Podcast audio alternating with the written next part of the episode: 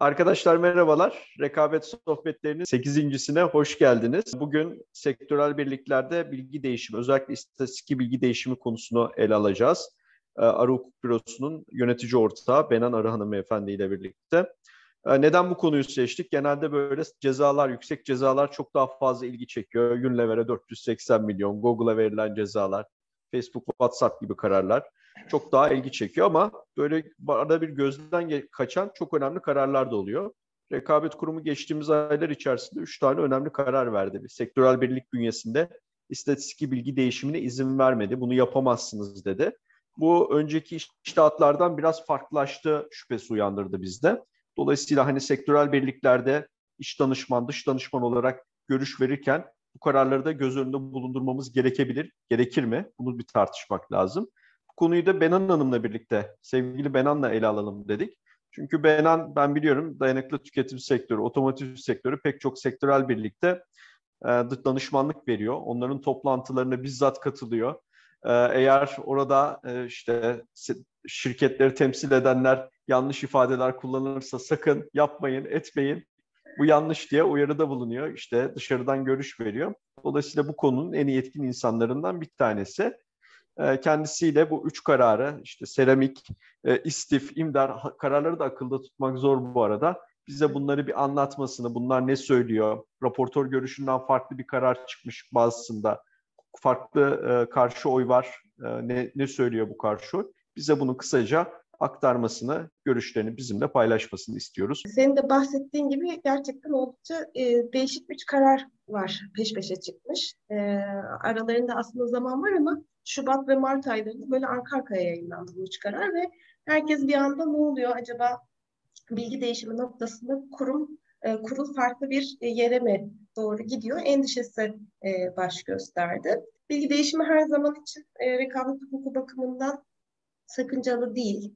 E, bir kartelin anlaşması, kartel anlaşmasının bir parçası ya da başlı başına e, rekabeti kısıtlayıcı bir amaç güden bir anlaşma olmadığı müddetçe e, teşebbüslerin rasyonel karar alabilmeleri bakımından e, rekabet otoritelerinin sıcak baktığı, izin verdiği e, şeyler olabiliyor bilgi değişimleri. Güne kadar ki kurulun kararlarına baktığımızda da aslında toplulaştırılmış, eski olan verilere rekabet kurulunun sıcak baktığını söyleyebiliriz. Çoğunlukla aslında izin vermiş ya da bazen işte bazı değişikliklerle izin vermiş, süreyle izin verdiği olmuş. Ama genel olarak e, çok katı ve e, teşebbüs birliklerini böyle yasaklayan bir e, politika gütmediğini görüyoruz rekabet kurulu. Ama bu ilk üç kararda e, bundan biraz ayrıldığını görüyoruz. E, neler bunlar? E, öncelikle Seramik Federasyonu'nun kararından bahsetmek istiyorum. Bu üç karar içerisinde bence en katı yaklaşım sergileyen kararın ben bu olduğunu düşünüyorum. E, Türkiye Seramik Federasyonu belli e, bilgileri paylaşmak için e, kuruma bir muafiyet başvurusunda bulunuyor. Neler bunlar? E, bizim bazen hani şey bile benim mesela e, çalışan sayısı, ondan sonra kapasite üretim bunlar daha rekabet hukukuyla ilgili iç satış, iç piyasa, dış piyasa, e, enerji, elektrik enerjisi, toplum enerji ve karbon salınımı gibi 8 e, konu hakkında kuruma ben bunları paylaşabilir miyim diye e, başvuruda bulunuyor. Bunu yaparken de e, diyor ki ben bunları bir teşebbüs bazında paylaşmayacağım. Toplulaştırarak paylaşacağım. E, Türkiye çapında e, olacak. Üç aylık verileri toplayacağım ve iki ay eskiterek yayınlayacağım. E, şey herkes buna katılmak zorunda değil. Benim tüm federasyondaki tüm üyeler buna katılmak zorunda değil. İsteyenler katılacak. Kimseyi zorunlu da tutmayacağım. Ve en az beşten az veri olursa da bunu paylaşmayacağım diyor. Aslında böyle bakıldığında çok ideal bir yaklaşım sergiliyor. Çünkü e, bizim bir tane kılavuzumuz var. E, yatay işbirliği anlaşmaları hakkındaki kılavuz. Ondaki her kriteri neredeyse sağlıyor gibi. Biz bunu her gün yapıyoruz. Pek, en azından pek çok sektörel birlikte yapılan bir şey bu yani. E, evet yani mesela hani çalışan sayısı, e, hani doğalgaz mesela maliyet unsuru o hesaplanabilir belki ama mesela elektrik enerjisi artık e, elektrikte serbest piyasa var. O yüzden onun mesela maliyet hesaplamasını çok bence kolay olmaz hani ve toplulaştırılmış bir veri alıyorsun. Sen teşebbüs özelinde de değil. karbon salınımı mesela bunlar hani rekabet hukuku açısından gerçekten e, dikkat etmemiz gereken e, rakibin stratejisini anlayabileceğimiz anlamda bir rekabete duyarlı bilgi midir? E, bu soruları insanın kafasında oluşturuyor bu karar. E, ve çok ilginç bir şekilde e, karardaki raportörler kesinlikle ne bireysel muafiyet tanımır ne de e, şey hiçbir şekilde muafiyetin hiçbir koşulunu sağlamaz değerlendirmesi yapıyor. Sadece bir tane uzman burada bir ayrı görüş veriyor ve ben burada me menfi tespit verilebileceğini düşünüyorum diye e, raporu onun o görüşünde görüyoruz. Sonuç olarak oy çokluğuyla e, izin verilmiyor bu dosyada. E, kurul üyelerinden bir tanesi de bence son derece isabetli bir şekilde karşı oyu var. O da diyor ki yani bu kadar e, bireysel bazda paylaşılmayan toplaştırılmış bir veri 3 ayda 3 aylık toplanıyor ve onlar 2 ay eskitilerek e, paylaşılıyor. Ve o üç ayı da tek tek paylaşmıyorlar. En az beş teşebbüsün olması gerekiyor ve sadece sektöre de değil bu arada kamuya açıklanacak bir bilgi. Yani aslında kılavuzdaki her bir kalem tek tek sağlanıyor. Bir de burada hani teşebbüs e, birliği, federasyon kendisi değil, bir bağımsız danışman aracılığıyla da bu bilgileri toplayacağını ifade ediyor. Kararın içerisindeki en katı yaklaşım sergilenen kararın ben bu olduğunu düşünüyorum. Açıklanan gerekçe ne e, peki Benan Hanım? E, ya burada şey endişeler e, sergileniyor. Yani pazarın önceki yapısından bahsediyor. Bu seramik sektöründe daha önce olan e, soruşturmaya atıfta bulunuyor. E, bundan hani bir ekonomik yararın olmayacağı, bu bilgilerin piyasayı fazlasıyla şeffaflaştırabileceği endişesinin e, olduğu görülüyor. Bir de çok enteresan bir şekilde aslında bizim kendi bir e, uygulamada kılavuzumuz varken e, mevzuat anlamında burada AB'nin e, Avrupa Birliği Komisyonu'ndaki yata işbirliği rehberine ve FTC'nin rehberine atıfta bulunduğunu görüyoruz. Avrupa Birliği'ndeki bir yıl eskitme koşulunu e, burada bahsediyor. Hani o bizde olmayan bir şey. Bizde hani genelde kurul kararlarına baktığımızda iki aylık eskitme son derece makul e, görülüyor. Bir aylık eskitmeye bile izin verdiği e, kararlar var bunun. E, bir de FTC'nin hani bu pazarın ne kadarına yüzde yirmi beşlik bir şeyine hitap edip etmemesi, o pazarın o e, pazar payıyla ilgili kısmına bakıyor. E, böyle ikisi bir araya gelince e, bir parça o, o yani oradaki kriterleri de e, karar tartışıyor ve onların da sağlanmayacağı bu anlamda da rekabeti kısıtlayıcı bir endişe yaratacağı gerekçesiyle bu karar e, böyle çıkmış. Bu iş makineleri e, derneği diyelim. Türkiye İş Makineleri Distribütörleri ve İmalatçıları Derneği İMDER ve İstif Makineleri Distribütörleri ve İmalatçıları Derneği İster. Bu iki karar aslında belki beraber okumak lazım. Bence e, hani üç karar diyoruz ama iki karar da diyebiliriz. Seramik kararı ve bu iki kararı e, iki şekilde ayırmak mümkün. Çünkü oldukça benzer iki karar bu. İstif Makineleri ile İş Makineleri Derneği'nin kararları. E, bu iki dernek hali hazırda zaten e, pek çok rapor paylaşıyormuş. Yanlış hatırlamıyorsam altı tane rapor paylaşıyor. İşte aylık, üç aylık, altı aylık, yıllık karşılaştırmalı. Bir de bunların içerisinde hani düzeltme olan e, bazı şeyler var. Gördüğünüz kadarıyla toplulaştırılmış e, paylaşım yapıyor. E, bu yeni aylık raporlar, yeni üç aylık raporlarla da e, bunları teşebbüs bazında yapmak istiyor. Dediği gibi mesela iş makinelerinde bir versiyon da sunmuş. Hani versiyon bir ben hani teşebbüs bazında paylaşayım, bölge bazında olsun. Ama buna izin verilmeyecek olursa ben bunu Türkiye bazında paylaşayım ama teşebbüs bazında. Yani burada aslında olay e, daha teşebbüs özelinde bilgi paylaş. E, burada ilginç bir şekilde aslında raportörler e, belli raporlara izin verilebileceğini söylüyor. Bireysel muafiyet tanınabileceğini söylüyor. E, ama sonunda kurul hiçbir şekilde ne menfi tespit ne de bireysel muafiyet tanınmayacağına karar veriyor. Bu iki kararda kritik noktalardan bir tanesi de şu. E, zaten yürümekte olan bir uygulama var. Uygulamaya evet. da muafiyet istiyorlar. Yani aslında kuruma gitmeyebilirler. Kendi kendilerine devam edebilirler. Evet. Ama gidiyorlar bunu istiyorlar. Kurum vermiyor. Ama siz bunu geçmişte yapmışsınız. Burada ihlal var. Ee, ben bunu o yüzden muafiyet vermeyeceğim dediği bir şeyde soruşturma açmıyor. Böyle bir evet. enteresan taraf da var yani. Evet. Yani o zaman hani acaba hiç gitmeselerdi, kendi kendilerine bu bireysel muafiyet değerlendirmesini yapıp yürüselerdi bir rekabet e, kısıtı olmadan ilerleyebilecekler mi sorusu da akla gelenlerden bir tanesi. Şunu söyleyebilir miyiz bu kararlar ışığında? Artık uygulaması değiştir rekabet kurumunun bu sonuca ulaşmak mümkün mü yoksa biraz daha beklemek mi lazım? Yani bir sertleşme var mı? Bir katı yaklaşım var mı diye onu şey yapalım. Ee, bir katı yaklaşımın sinyalleri bir parça var ama bence biraz daha erken bir e, bunu söylemek için diye düşünüyorum. Hı hı. Kurulun bundan önce de aslında birazcık katı yaklaşım sergilediği dönemler olmuş. Ee, şöyle bir kronolojik olarak kararlara baktığımızda bu 2011 yılında 15 teşebbüse verilen bir otomotiv cezası vardı. Otomotiv cezasından sonra da kurulun bilgi değişimine bir e, katı yaklaştığını görüyoruz. Çünkü neden?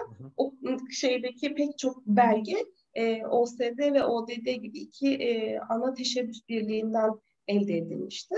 Ama mesela o e, şeyin sonrasında, soruşturmanın sonrasında OSD ve ODD tekrar başvurup ben bunu muafiyet aldığı konularda da e, ben bunları yapmaya devam edebilir miyim dediği noktada e, kurul evet yapabilirsin e, demişti. Yani eğer böyle bir katı politika evrilirse mesela Türkiye bakımından bazı olumsuz sonuçları da olabilir. Mesela istatistik bakımından fakir bir ülke olduğumuzu söylüyoruz. Ondan evet. sonra yani bu sektörel birliklerde tabii ki rekabet kurallarına uyarak bu bilgilerin toplanması bir açıdan iyi. Mesela bakanlıklar falan bazen bu verileri istiyor. Bizzat rekabet kurumunun kendisi bu tür veriler istiyor. Bu kadar çok sertleşirse kurum katı bir yaklaşım benimserse böyle olumsuz etkileri olma olasılığı olabilir mi? Yüzde yüz bence bunun cevabı. Çünkü e, yani bir kere teşebbüsün rekabet edebilmesi için de rakibini görebilmesi lazım. Yani bu çok basit bir kural. Hani bu ister sporda olsun, ister ekonomik hayatta olsun. Rakibinizi bir parça görmezseniz o sizin rekabet güdünüzü geliştirmez. O zaman ne olursunuz? Hep ben iyiyim yani. O geliştirici bir şey olmaz. Rekabetin e, geliştirici bir yönü de var. Rasyonel karar alabilmesi için böyle bir bilgiye mutlaka ihtiyacı var teşebbüslerin. E, senin de dediğin gibi zaten e, bakanlıklar hani bir şeye ihtiyaç olduğunda ilk teşebbüs birliklerine e, telefon açıp ya da yazı gönderip bu bilgileri is- istiyorlar. E, keza rekabet kurumunda pek çok birleşme devralma dosyasında ya da sektör raporu hazırlarken hı hı. bu e, derneklere başvurup e, pazar payının hesaplanması ile ilgili bilgi istiyor. Yani e, Türkiye'de gerçekten bir veri açlığı var yani e, doğru veriye, doğru bilgiye ulaşmak bakımından bir eksiklik var. E, bu tür dernekler de e, buna oldukça hizmet ediyor. Hele de mesela o sektörde e, böyle bağımsız bazı sektörlerde onlar var. Bağımsız araştırma şirketleri e, verileri toplayıp parayla satıyorlar ve yayınlıyorlar ama bazı sektörlerde hiç yok. Yani hı hı. hiçbir hı hı. şekilde kendini konumlandırıp göremeyeceği bir noktada ne yapacak? Ya da mesela dikey anlaşmalar bakımından bir değerlendirme yapması lazım. Yüzde kırklık pazar payını ölçmesi gerekiyor. Kendisi değerlendirme yapacak. Hani o pazar payı olmadığında teşebbüs nasıl karar verecek? E, kurum nasıl o bilgileri toplayacak? Bence o yüzden de kararların hani net bir çizgi oluşturacağını düşünmüyorum. Bence biraz erken. Verilerin paylaşılmaması e, küçük şirketleri değil büyük şirketleri koruyan bir şey aslında. Yani sektörün büyük evet. abileri varsa onlar zaten üç aşağı beş yukarı yerlerin ne yaptığını tahmin edebilir. Ya da onları izleyecek mekanizmaları kullanabilir ya da söylediğiniz gibi araştırma şirketlerinden bunu satın alabilir. Ama piyasaya yeni varsa eğer varsa eğer piyasaya e, ya da araştırma şirketini tutabilirsin. İlla ki olması gerekmez. Yani çok detaylı perakende araştırması yaptırmıyorsan sen Hı-hı. tutarsın ve o üç ay çalışır bu verileri toplar. Ama bunu yapacak fonun olması lazım. Fakat şeyi düşünün, piyasaya yeni girmek isteyen bir şirket ve de o buradaki durum ne? Benim buradaki batık maliyetim ne olur? Buraya gir, girersem işte kar beklentim olabilir mi? Bunları anlamak için elinde ucuz bir rapor olursa aslında o girişleri daha çok desteklersin. Bu olmadığı zaman, piyasa çok şeffaflaşıyor deyip de bunu yasakladığınız zaman bu iştahı da e, öldürmüş oluyorsun aslında. Bu bir. İkincisi bir de sürekli böyle şeyimiz var ya veri yeni petroldür, zenginliktir, mutluluktur, medeniyettir falan diyoruz. Ama bir yandan da bunu sadece büyük platformların elinde bırakıyorsun. Yani platform tanımı gereği bu verileri topluyor. İşte perakende şirketi, e-perakende şirketi, arama motoru şirketi, sosyal medya şirketi. Onlarda bu oluyor. Bunlar bunları satıyor. Onu da biliyoruz. Bu verileri paylaştıkları, ücreti mukabil başka şirketlere verdiklerini biliyoruz. Ama sen sektör oyuncuları kendi aralarında top e, toplamalarını yasaklıyorsun ve de yerli ve milli olmayan bir takım platformların eline bırakıyorsun. Böyle bir durum da var. Pek rekabet kurumunun şeyine e, politikasına ters bence. Elin Greenspan bu Fed'in yani Amerikan Merkez Bankası'nın efsanevi bir başkanı. Ben çok yani politik olarak çok ters kutuplardayız ama kitap güzel bir kitap. Kendi biyografisi şeyi anlatıyor. Mesleğe nasıl başlamış. Doktorasını yaptıktan sonra demir çelik fabrikalarını geziyor. Yani biraz böyle orta batı gibi bir yerde. Ve de fabrikalardan verileri topluyor. Ondan sonra birkaç tanesine gittikten sonra fark ediyorlar ki fabrika sahipleri, şirketler, bu adam bu e, yaptığı regresyon modelleriyle bu iş çevrimi denilen business cycle'lar var ya e, işte sektör hep beraber çöküyor ya da sektör hep beraber boom yapıyor. Bunları tahmin etmeye başladığını fark ediyorlar. Fark ettikçe daha fazla şirket verilerini veriyor Greenspan'in şirketine, danışmanlık şirketine ve de ona göre önlemlerini almaya başlıyorlar. Ham madde alımlarını, işçi kontratlarını. Yani aslında iktisat diye bir bilim var. Ee, işte şey, sosyal bilim diyelim ona. O da bir tartışma ya. Ve bu bunu kullanabiliyorsun eğer verin varsa. Verin yoksa, veri yasaklarsan mesela sektörün nereye gideceği hakkında hiçbir fikir sahibi olamıyorsun. Hani Benan Hanım da söyledi ya, devlet ve hatta rekabet kurumu bu verileri istiyor. Ne yapıyor? Tablo yapıyorlar. Yan sanayi parça ihracatımız 5.2 milyar dolar oldu. Ya bir, bir şey yapmıyorlar aslında. Bunu gösteriyor. Bir biraz propaganda gibi. Ama bunların dilini konuşmaya başladınız ya öngörü yapabilirsin. Fakat bunu ya, teşebbüs bazında da olması gerekiyor bu açıkçası. Fakat işte şeffaflaşmaya buradan kartel yaparlarsa ya kötüye kullanırlarsa kurum bunları yasaklıyor şu anda. E, fakat Ama... tek bir şey var burada katıldığım kuruma o da şu kamuya açık olması gerekiyor demiş. Aslında senin söylediğin kurumun kararını destekleyen bir husus. Onlar da diyor ki bu o kadar söyledi. şeffaflık olursa diyor. Evet. O zaman diyor sen o zaman kuruma katılıyorsun bu durumda son cümlesine katılıyorum. Kurumun yani, tam da kurumun, kurumun tam da bak o tamam onu şey yapalım. Kamuya açık olsa bile diyor ki kurum bu verileri paylaşırsan diyor sen Hı-hı. geleceğe yönelik olarak diyor bir şeffaflık yaratıyorsun diyor. Bu Hı-hı. şeffaflıkla da diyor işte fiyatların e, illa arada anlaşma olmasına da gerek yok diyor. E, işte fiyatları yükseltme olanağı olabilir vesaire diyor. Buna dayanıyor zaten bu mantık. Ya bunu sadece fiyatları yükseltme olarak görüyorsun kurum. Niye? Çünkü elinde çekiç var. Herkesi çivi olarak görüyor şey var ya Amerikalıların sözü var. Biraz ona benziyor. Yani bu sadece şirketlerin kar motivasyonu arttırmaya yaramaz ki. Yani bir kriz yaklaşıyor. Bunu görmek için diğerlerinin ne yaptığını bilmen gerekiyor ve de bir, bu işe birisini şey yapman, ataman gerekiyor. Yani rekabet kurumu fiyatları yükseltmesinler beraber. Başka bir derdi yok. Çünkü şey, ana, şey görevi o. Anayasal ve yasal görevi o. Ama şirketlerin başka dertleri de olabilir yani. Ulan bir, bir, bir şey yaklaşıyor, bir cisim yaklaşıyor da görmek isteyebilirsin. Tamamen jungle'a çevirmek zorunda değilsin ki dünyanın hiçbir yerinde yok böyle bir şey. Enerji tüketimiyle ilgili verilerin paylaşılması bazen çevreci yaklaşımlarla da aslında mesela şey yarıyor yani karbon salınımı, enerji. Ee, yani hani sadece maliyeti kısmak değil, dünyaya zarar vermemek de bence son derece e, önemli bir şey. E, yani üretim bakımından bu tür verilerin ben e, biraz daha masum olduğunu düşünüyorum açıkçası. Seramik kararı da var mesela karbon salınımına ilişkin evet. olarak var evet. yani. Ama var. tabii şöyle de bakılıyor olabilir. Hani kurum kökenli birisi olarak bunu araya kaynatmışlar böyle çevre mevre ayağıyla biz e, kartili kolaylaştıracak, değiştirecekler. Ya burada şöyle bir e, boyut da var. Hani yine kurum kökenli birisi olarak e, eğer bir sektörden şüpheleniyorsanız e, özellikle geçmişinde bir ceza olayı varsa evet mimlenmişse oraya kötü bakmaya başlıyorsunuz. O, o yani, kötü bir şey evet. Yani seramikte mesela ben seramiğin raportörlerindendim. Biliyorum o 2001 yılında mesela işte helikopterle fabrikanın çalışıp çalışmadığını e, tespit ediyorlardı. Hani o açıdan doğalgaz tüketimi, elektrik tüketimi hani e, karşı tarafında şeytanın da e, avukatlığını yapacak olursak buradan işte böyle bir kartel anlaşmasını kontrolüne yönelik bir mekanizma gibi düşünülebilir. Ama tabii tam aksini de söylemek mümkün. Burada çevreye yönelik. E, ben bakıyorum rakibin orta sektör ortalamasından daha az enerji tüketiyorum. Bu böyleyse iyi. Çoksa o zaman benim e, iş süreçlerimi iyileştirmem lazım. Karbon salınımım e, daha mı düşük, daha mı yüksek gibi bakmak lazım. Çok teşekkürler Benan. Bu üç kararı bize çok güzel özetledin. Ulaşabileceğimiz sonuç bu. Şu, burada bir katılaşmaya yönelik işaretler var. Ama bunu söylemek için de henüz erken. Umarım daha sert bir noktaya gitmez kurum ama dikkatlice takip etmek lazım. Bu çok çok teşekkür ediyoruz sana.